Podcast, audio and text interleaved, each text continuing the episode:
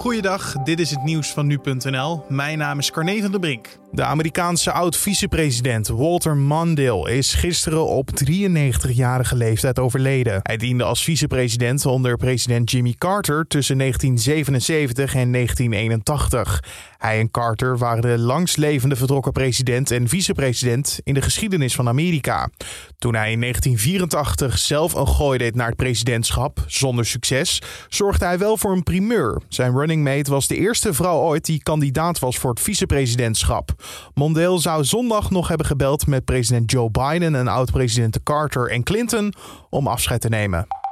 In het Gelderse Lunteren zijn gisteravond een persfotograaf en zijn vriendin aangevallen door omstanders.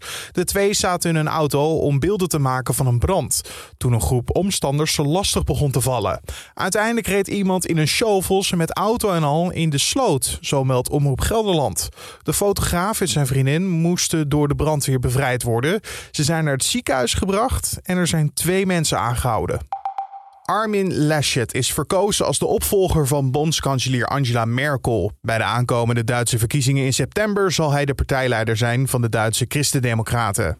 De politicus kreeg afgelopen nacht tijdens een marathonoverleg de meeste partijleden achter zich. Het was nog spannend wie het zou worden, want de frontman van de zusterpartij CSU, Marcus Söder, had zich ook kandidaat gesteld. Echter, nu er is gestemd, hopen de partijen dat er een einde is gemaakt aan de interne machtsstrijd.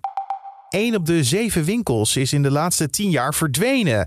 Nederland telde begin dit jaar ruim 85.000 fysieke winkels, wat een daling is van meer dan 13.000 winkels.